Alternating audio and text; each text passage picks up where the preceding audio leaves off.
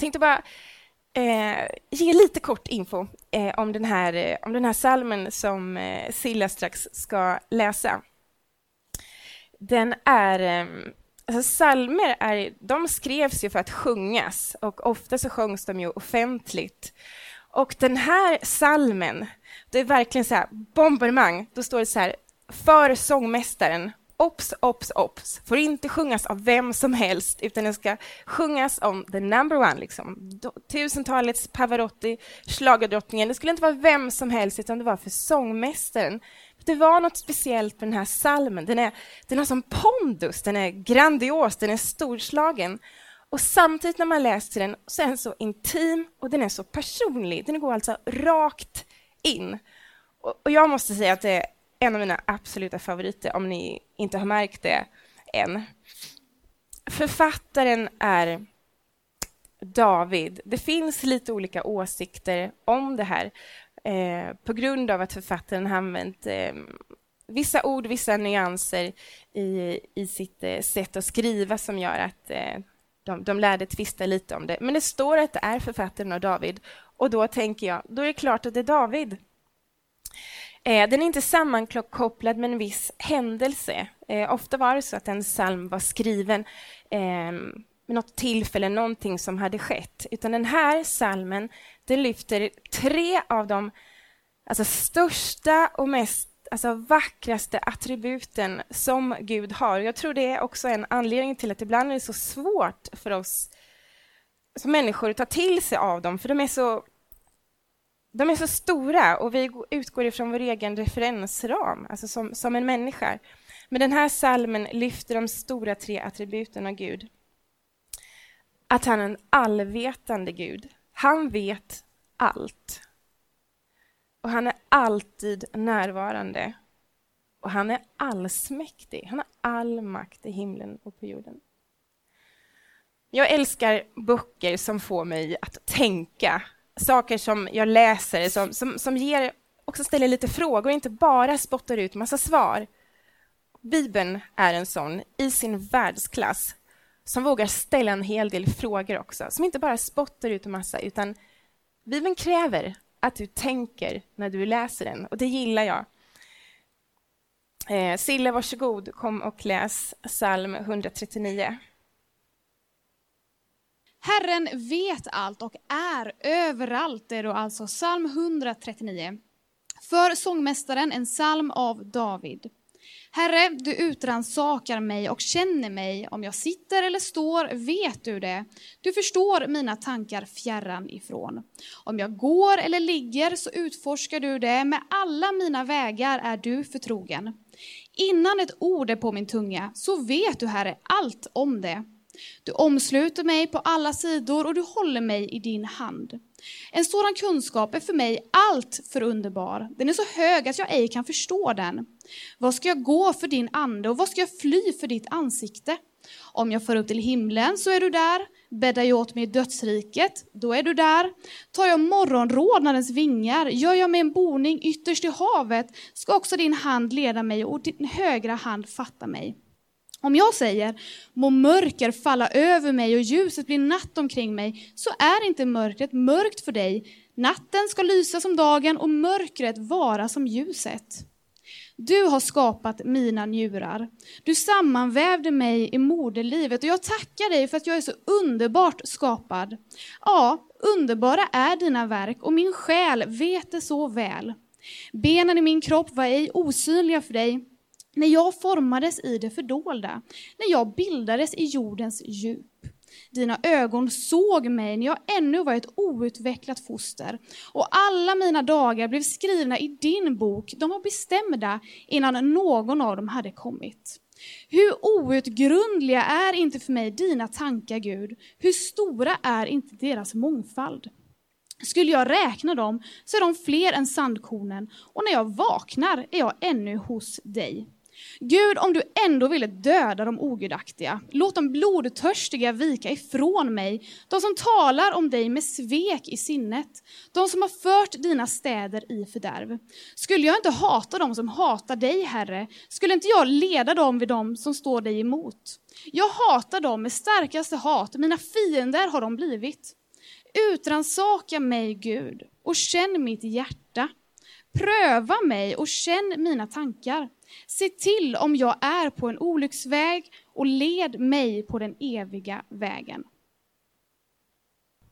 24 verser lång och det är enormt mycket i den, i den salmen så jag ska inte på något sätt försöka ta mig an alla godbitar här utan målet med den här eftermiddagen, vad jag vill fokusera på och lyfta, dels att titta på eh, de här verserna, de första verserna, verserna 1 till 6, när, när författaren beskriver, om, beskriver en, en allvetande Gud, en personlig Gud som vet allt om honom. Jag ska också titta på eh, Gud som skaparen. Några verser ner så beskriver David det har skapat mig så underbart bra. Alltså, det är så fantastiskt. Jag kan inte ens greppa det. Vi ska titta på, på dem också. Och så sen ska vi landa i de sista verserna som är en, en bön som, som författaren summerar.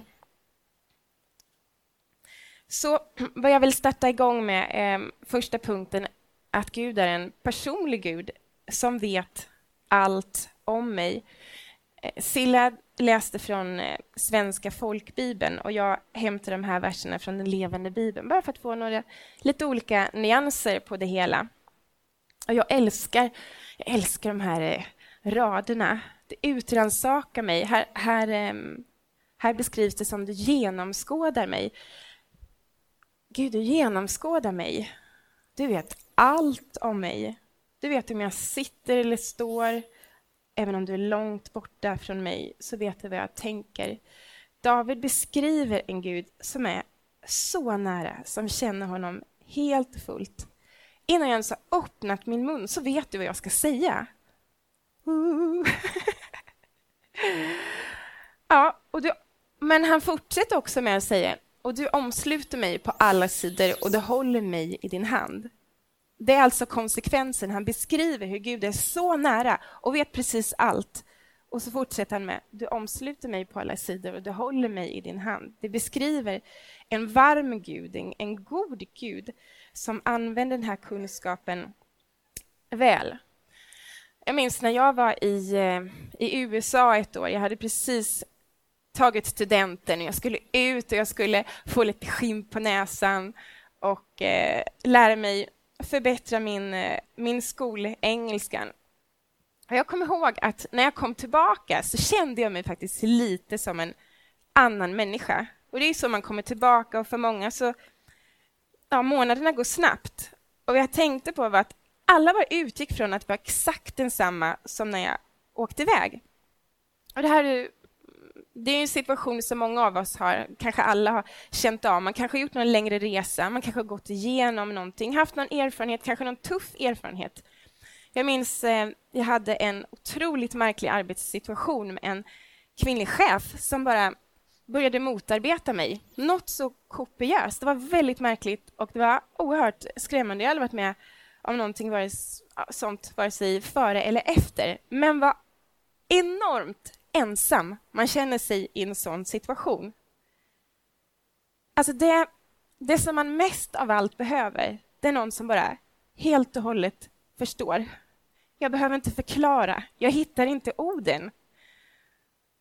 Och många av oss har väl kanske liksom smakat på lite eh, helvetets kval på något vis. Man har gått igenom olika saker och man kan ha fått sina törnar eller oavsett. Men det finns någonting så befriande med någon som bara finns där, förstår precis. Jag behöver inte ens beskriva det. Jag behöver inte förklara varför jag gjorde de valen jag gjorde. Jag behöver inte förklara hur det kändes och varför jag är som jag är idag och vad jag, och vad jag behöver jobba med, utan personen bara förstår precis. Det finns ingenting som är så befriande.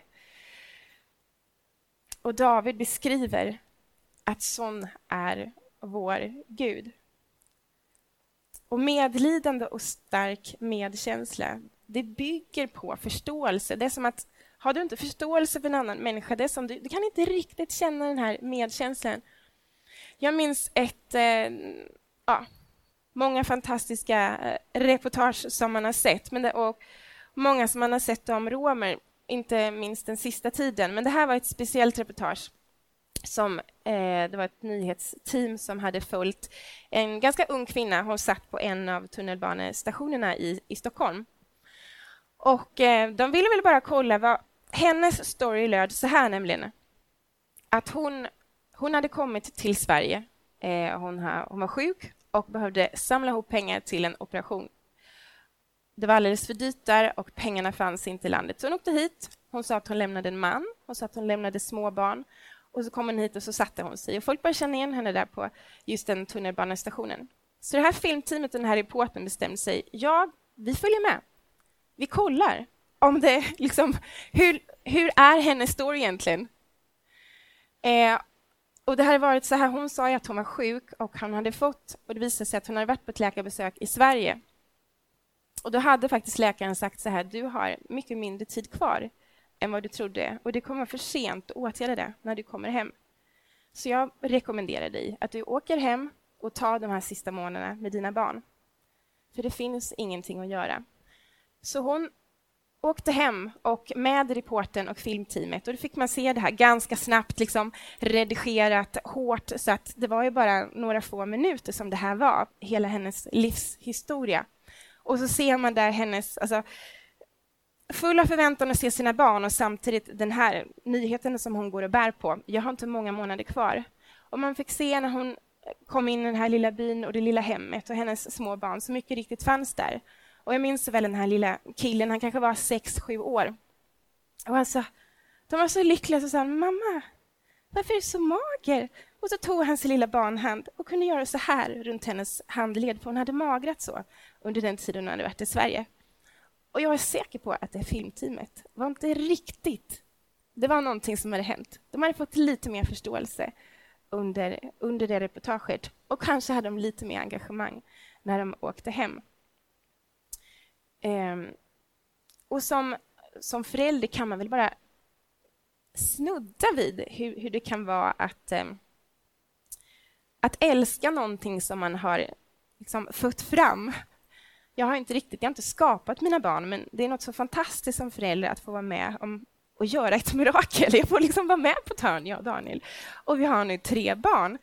Eh, men på något sätt, det är väldigt stort, men jag kan lite ana hur det kan kännas att, att älska villkorslöst eh, någonting som han har varit med och skapat. Mm, J.I. Packer, som är en av våra tids största evangelikala teologer, han har beskrivit det så här. Jag är aldrig lämnad utanför Guds sinne. Det finns ingen tidpunkt då, han, då hans ögon lämnar mig eller då hans uppmärksamhet distraheras bort från mig. Det finns inget ögonblick när hans omsorg vacklar. Och det finns en enorm lättnad i att veta att hans kärlek till mig bygger på mitt verkliga jag. Det är baserat på kunskapen om vem jag egentligen är. Alltså, till och med mitt sämsta, och det minst älskvärda i mig. För det innebär att ingenting kan göra Gud besviken om mig på det sätt som jag så ofta gör mig själv besviken. Det här är riktigt svårt att ta in. Att det finns en Gud som är personlig och så stor, som vet precis allting om Linda Stenmark. Varenda litet skelett i garderoben, vet mina motiv, sak, vet allt och ändå älskar mig. För mig är det helt ofattbart. Jag säger som David, jag kan inte greppa det. Jag kan inte fatta det. Jag kan inte fatta det. En liten fråga. Tänk till på en tidpunkt när du verkligen har känt dig älskad. Vem Försök bara se det lite framför dig. Du har ungefär tio sekunder på dig.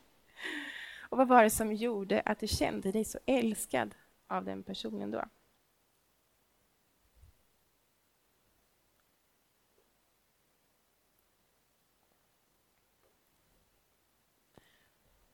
Jag skulle tro, om man bara får göra en liten kort analys, att det finns två huvudingredienser i den här relationen mellan dig och den personen, vem det nu var att den personen kände dig på ett djupare stadium än de flesta andra, kände till saker om dig som kanske ingen annan gjorde. Och personen accepterade dig och älskade dig trots allt det hon eller han visste om dig. Så vet mycket och accepterar och älskar ändå. Och de här båda ingredienserna behövs för att det ska bli alltså sann, sann kärlek. Tänk dig någon som vet allt om dig eller vet oerhört mycket men sen inte accepterar dig. Det är en ganska skrämmande situation. Eller någon som, ja, om man ska säga, som tycker om dig, att du är omtyckt men det kanske inte finns så mycket kunskap. Personen kanske egentligen inte känner dig. Det blir ganska ytligt, det blir inte riktigt, det blir inte på riktigt. Men Bibeln beskriver en Gud som vet allt, känner precis allt om dig och mig och ändå älskar dig och mig mer än någon annan. Det är svårt att greppa, men jag älskar den här salmen när David bara ut i sitt hjärta och bara försöker måla bilden för att bara förstå vem hans personliga Gud är. Och hur är det här möjligt? Hur kan han göra det? Vi hoppar in i punkt två. För att han är en personlig Gud som har skapat dig och mig. Och David beskriver det, bara säger de här fantastiska, det var så oerhört lång mening, eller oerhört lång psalm, så jag bara tar ett par sköna meningar om det här igen. Du har skapat min kropp med alla dess organ och du vävde dem samman i min mors liv. Tack för att du skapade mig så unik och så underbar. Det är fascinerande att bara tänka på det. Allt du gör är fantastiskt, det har jag verkligen fått erfara. Och du var där när mina ben formades i det tysta, när de fogades samman i min mors liv. Och du såg mig innan jag föddes och planerade varje dag i mitt liv innan någon av dem började. Varje dag skrivs ner i din bok.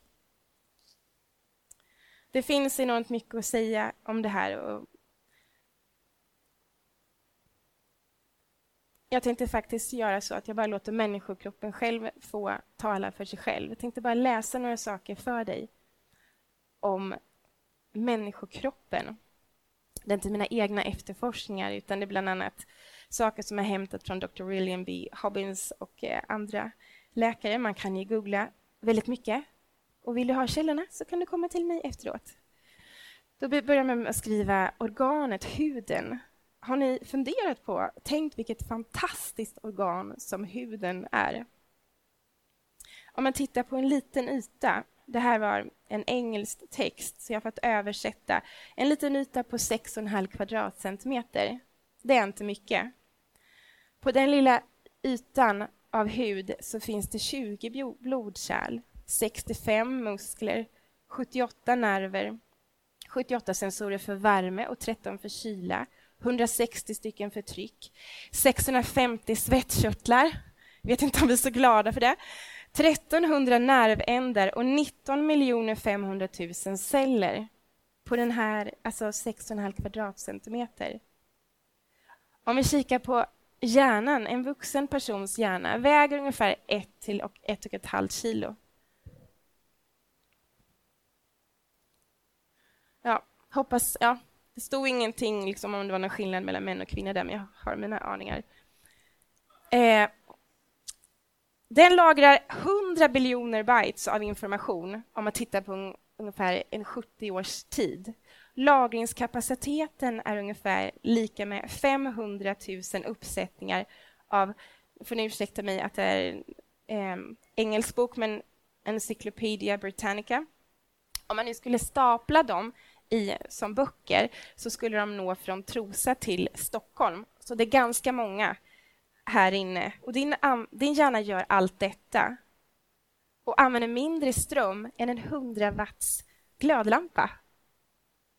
Fenomenalt! Jag hade aldrig kommit på något så bra. Nej.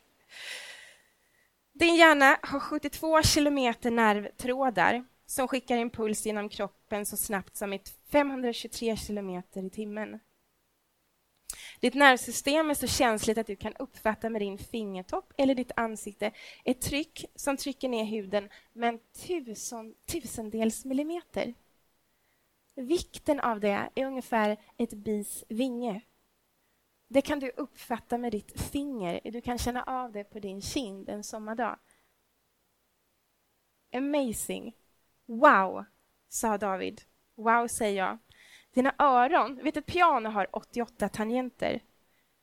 Varje ett av dina öron har ett tangentbord med 1500 tangenter. Dina ögon är kapabla att se en liten ljuslåga. Tänk en mörk, klar natt. En liten låga från ett stearinljus på 48 kilometers avstånd och kan uppfatta 300 000 eh, olika färgvariationer. 300 000! Alltså som målare går jag igång på det. 300 000! Och din näsa kan uppfatta doften av en droppe parfym från en ena änden till en annan i en trerumslägenhet. En liten droppe kan din näsa sniffa upp. Wow, säger jag. Wow! Ska vi ta en applåd för det? För jag tyckte det var väldigt bra. Och David säger wow, vilken fantastisk skapelse jag är. Kanske du och jag skulle säga det lite oftare. Till varandra och till oss själva. Och när man läser den här texten så är det inte så svårt att greppa heller vilken syn på liv som Bibeln har och när det börjar. Att det kickar inte igång mitt under graviditeten eller när, när livet föds ut utan det finns en tanke oerhört tidigt. När David skriver benen i min kropp var inte osynliga för dig när jag formades i det fördolda, när jag bildades i jordens djup. Det är så oerhört vackert och lite prytt skrivet, men alltså i moderslivet. Och dina ögon såg mig när jag ännu var ett outvecklat foster. Det fanns en tanke, det finns ett högt värde.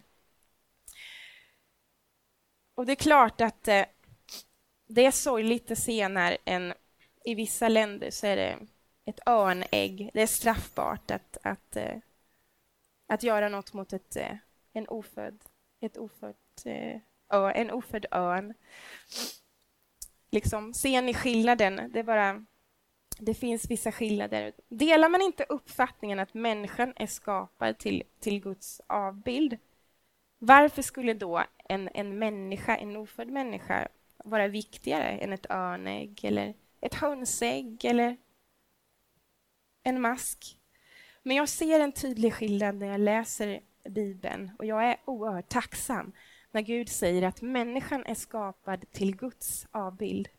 Självklart kommer det ett oerhört ansvar med det, att vara skapad till Guds avbild. Men jag är väldigt tacksam för, för det. Ehm, jag ser också när jag läser, inte minst den här salmen, men jag också läser igenom Bibeln, att mitt värde bygger inte på vad jag kan producera. Och Det är också enormt befriande i det här samhället där det bara handlar om vad jag kan producera, bara handlar om vad jag kan leverera. Men när jag läser hur Gud ser på det så kan jag, jag kan inte se det, utan han säger det är utifrån att du är min skapelse. Du är min avbild. Jag har reflekterat mig i dig. Det är därför jag älskar dig. Du kommer ifrån mig. Det är också ofattbart svårt att ta in. Liksom våra nervtrådar, det, liksom, det säger inte connection, för det är inte så det funkar i samhället idag.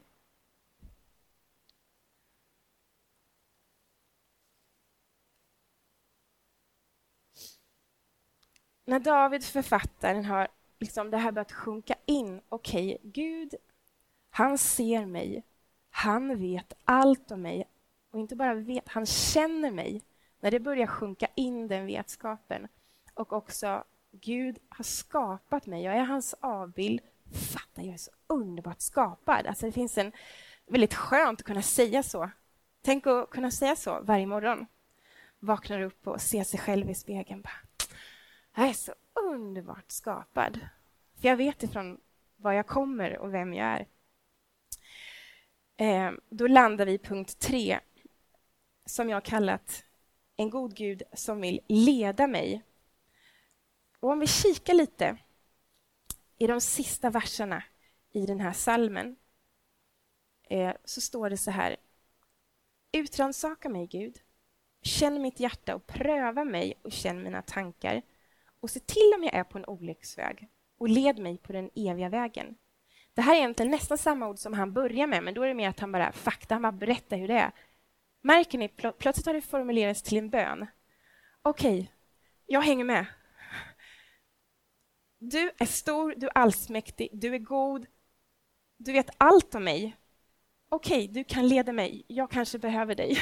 Det kanske, livet är kanske lättare att gå tillsammans med dig. Jag kanske inte tjänar på att bara köra på, på egen hand och plötsligt har blivit en, en, en bön. Herre, led mig.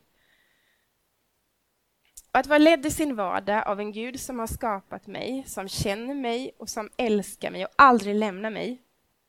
Och dessutom har all makt att kunna utföra vad han vill. Att jag kan inte se en enda anledning till att inte vilja vara ledd, såvida man inte är oerhört självdestruktiv. Och till avslutning vill jag bara säga någonting just om det här att vara, att vara ledd av Gud. Det kan man ju prata hur mycket som helst om och det ska vi också göra. Men det, det är spännande, jag skulle säga, att vara... Att ha en personlig tro på Gud och sen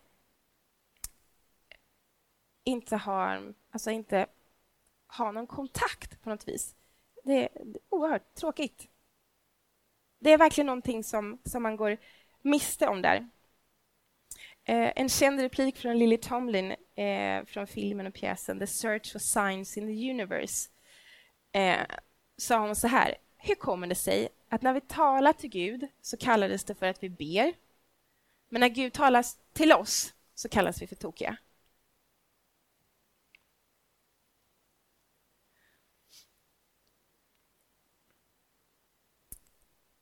Gud Gud kan leda oss och Gud vill leda oss med all kunskap han har som rör sig. Han flyttar sig i tiden. Han är i nuet, i dået, i framtiden. Det finns inga såna spärrar eller begrepp för honom. Gud är.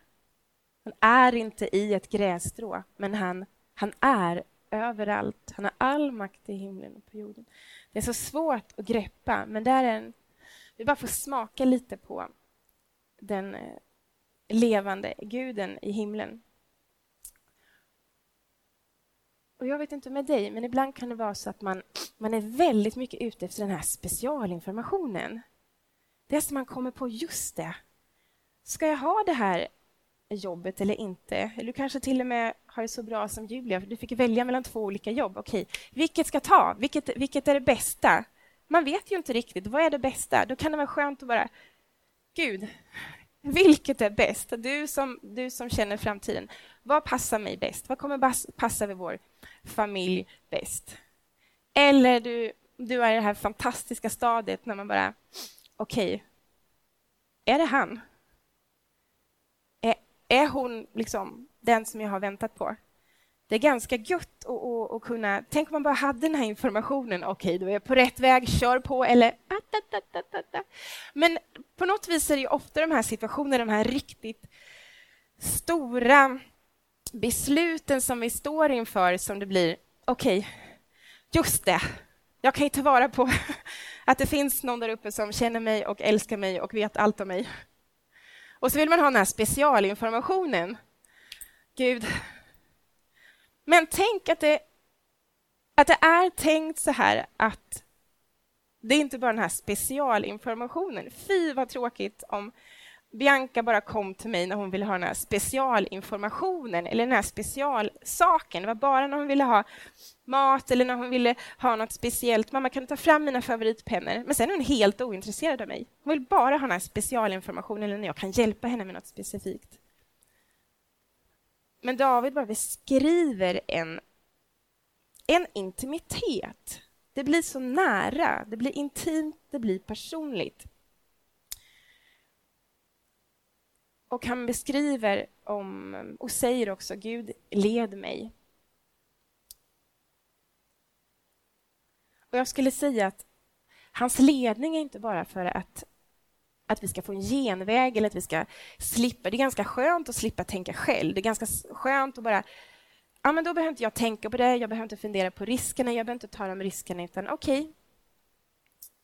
Utan som förälder så är mitt ansvar, jag vill att våra barn ska växa upp, de ska bli mogna, de ska bli ansvarsfulla, de ska kunna ta konsekvenser av vad de gör och de ska kunna välja, alltså kunna skilja mellan rätt och fel. Det önskar jag ju. Det är dit, det är dit vi är på väg. Vi försöker vara på väg som familj. Om jag hela tiden skulle lägga mig i, om jag hela tiden bara app, app, app, app, nej, nu ska du göra det, nu ska du göra det och bara vara på hur de gör. De skulle inte kunna tänka själva. De skulle inte lära sig det.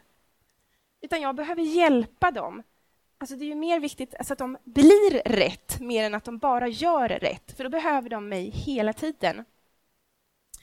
Och eh, John Ortberg eh, säger i en, en bok som jag läser just nu, Livet jag längtar efter, så säger han så här, Guds avsikt med att ge oss vägledning är inte för att få oss göra de rätta sakerna. Hans avsikt är att hjälpa oss att bli rätt sorts människor. Och Det är ganska stor skillnad på det där. Inte bara okej, okay, robot, du ska göra rätt, göra så här, utan det är bara förvandling inifrån och ut. Vad kommer någonting vackert, något skönt, någonting som smakar gott, någonting som kan skilja på rätt och, och fel.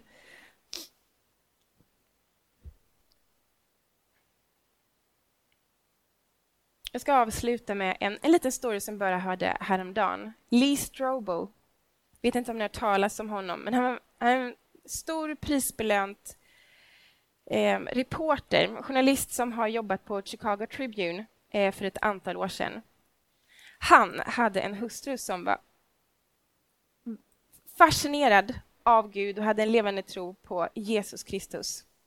Han var ganska störd på det här, för han delade inte den tron. Så han bestämde sig för att gå igenom en period när han bara skulle ha, göra efterforskningar och studera och ta rejäl tid åt det. Nu slutade inte det riktigt som han hade tänkt, utan han, han fick en gudsupplevelse på den resan. Och han har skrivit ett antal böcker eh, inom teologin idag. Och, eh, men det som hände var att efter ett tag, för han slutade sen på Chicago Tribune, och sen började han uppleva den här förnimmelsen, inte så här supertydligt först, men det bara banka lite på insidan. Man bara vet. Man bara vet att okej, okay, det här ska jag göra.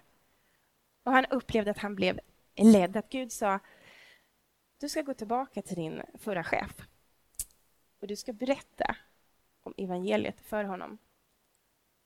Den var inte skön, för Lee visste exakt hur hans förra chef var.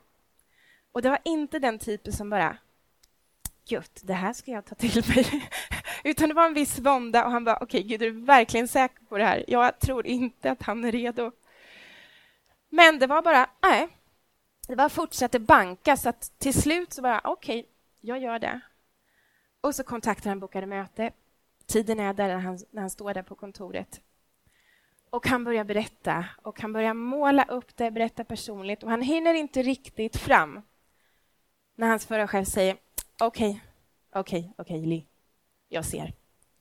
Okej, jag ser att du är väldigt inne på den här linjen, jag ser, men jag har inte mer tid just nu och det där är ingenting för mig. Och så avslutas mötet helt abrupt. Och Li får gå därifrån och Li bara, okej, okay. vad var det som hände? Gud, jag sa det, alltså han var inte redo för det här och det var, det var jobbigt, det tog i Li. Och sen vet inte jag riktigt hur, hur lång tid det tog, men det tog eh, några, säkert några år. Så kommer en man eh, och möter Li på något ställe någonstans och sa bara Wow, Li! Vad jag har längtat att träffa dig! Bara, jag måste bara säga tack! Du har betytt så mycket för mig. Eh, och Li bara, ville vara trevlig och bara, jag är lite osäker på vart vi har träffats innan. Jag känner inte riktigt igen ditt eh, ansikte. Och då sa han, men jag, är, jag jobbar som kaklare och eh, jag var med om ett stort renoveringsprojekt eh, när jag jobbade på eh, Chicago Tribune för ett par år sedan. Och då hörde jag dig i andra rummet när du var inne på chefens kontor där. Och jag hörde hela den storyn. Och den dagen var helt... Då började något nytt och den har, det har förvandlat mitt liv. Och idag är, har jag en levande tro på Jesus Kristus. Jag bara säga tack. Jag är så glad att jag får träffa dig. We never know. Ja. Nu går vi in i en skön höst och imorgon så ska jag börja jobba. Um, men hela den här veckan har jag läst psalm 139. Ibland på morgonen, ibland på kvällen. Bara levt med den. Och det, det är skönt att man inte bara kör igenom utan man mediterar, idisslar. Jag är som en kossa, jag älskar att idissla. Tugga lite långsamt och så kommer upp igen och så det händer någonting. Bara få marineras i de här sanningarna. Så jag skickar med psalm 139. Sug gärna på de karamellerna där extra mycket. Tack för att du har lyssnat.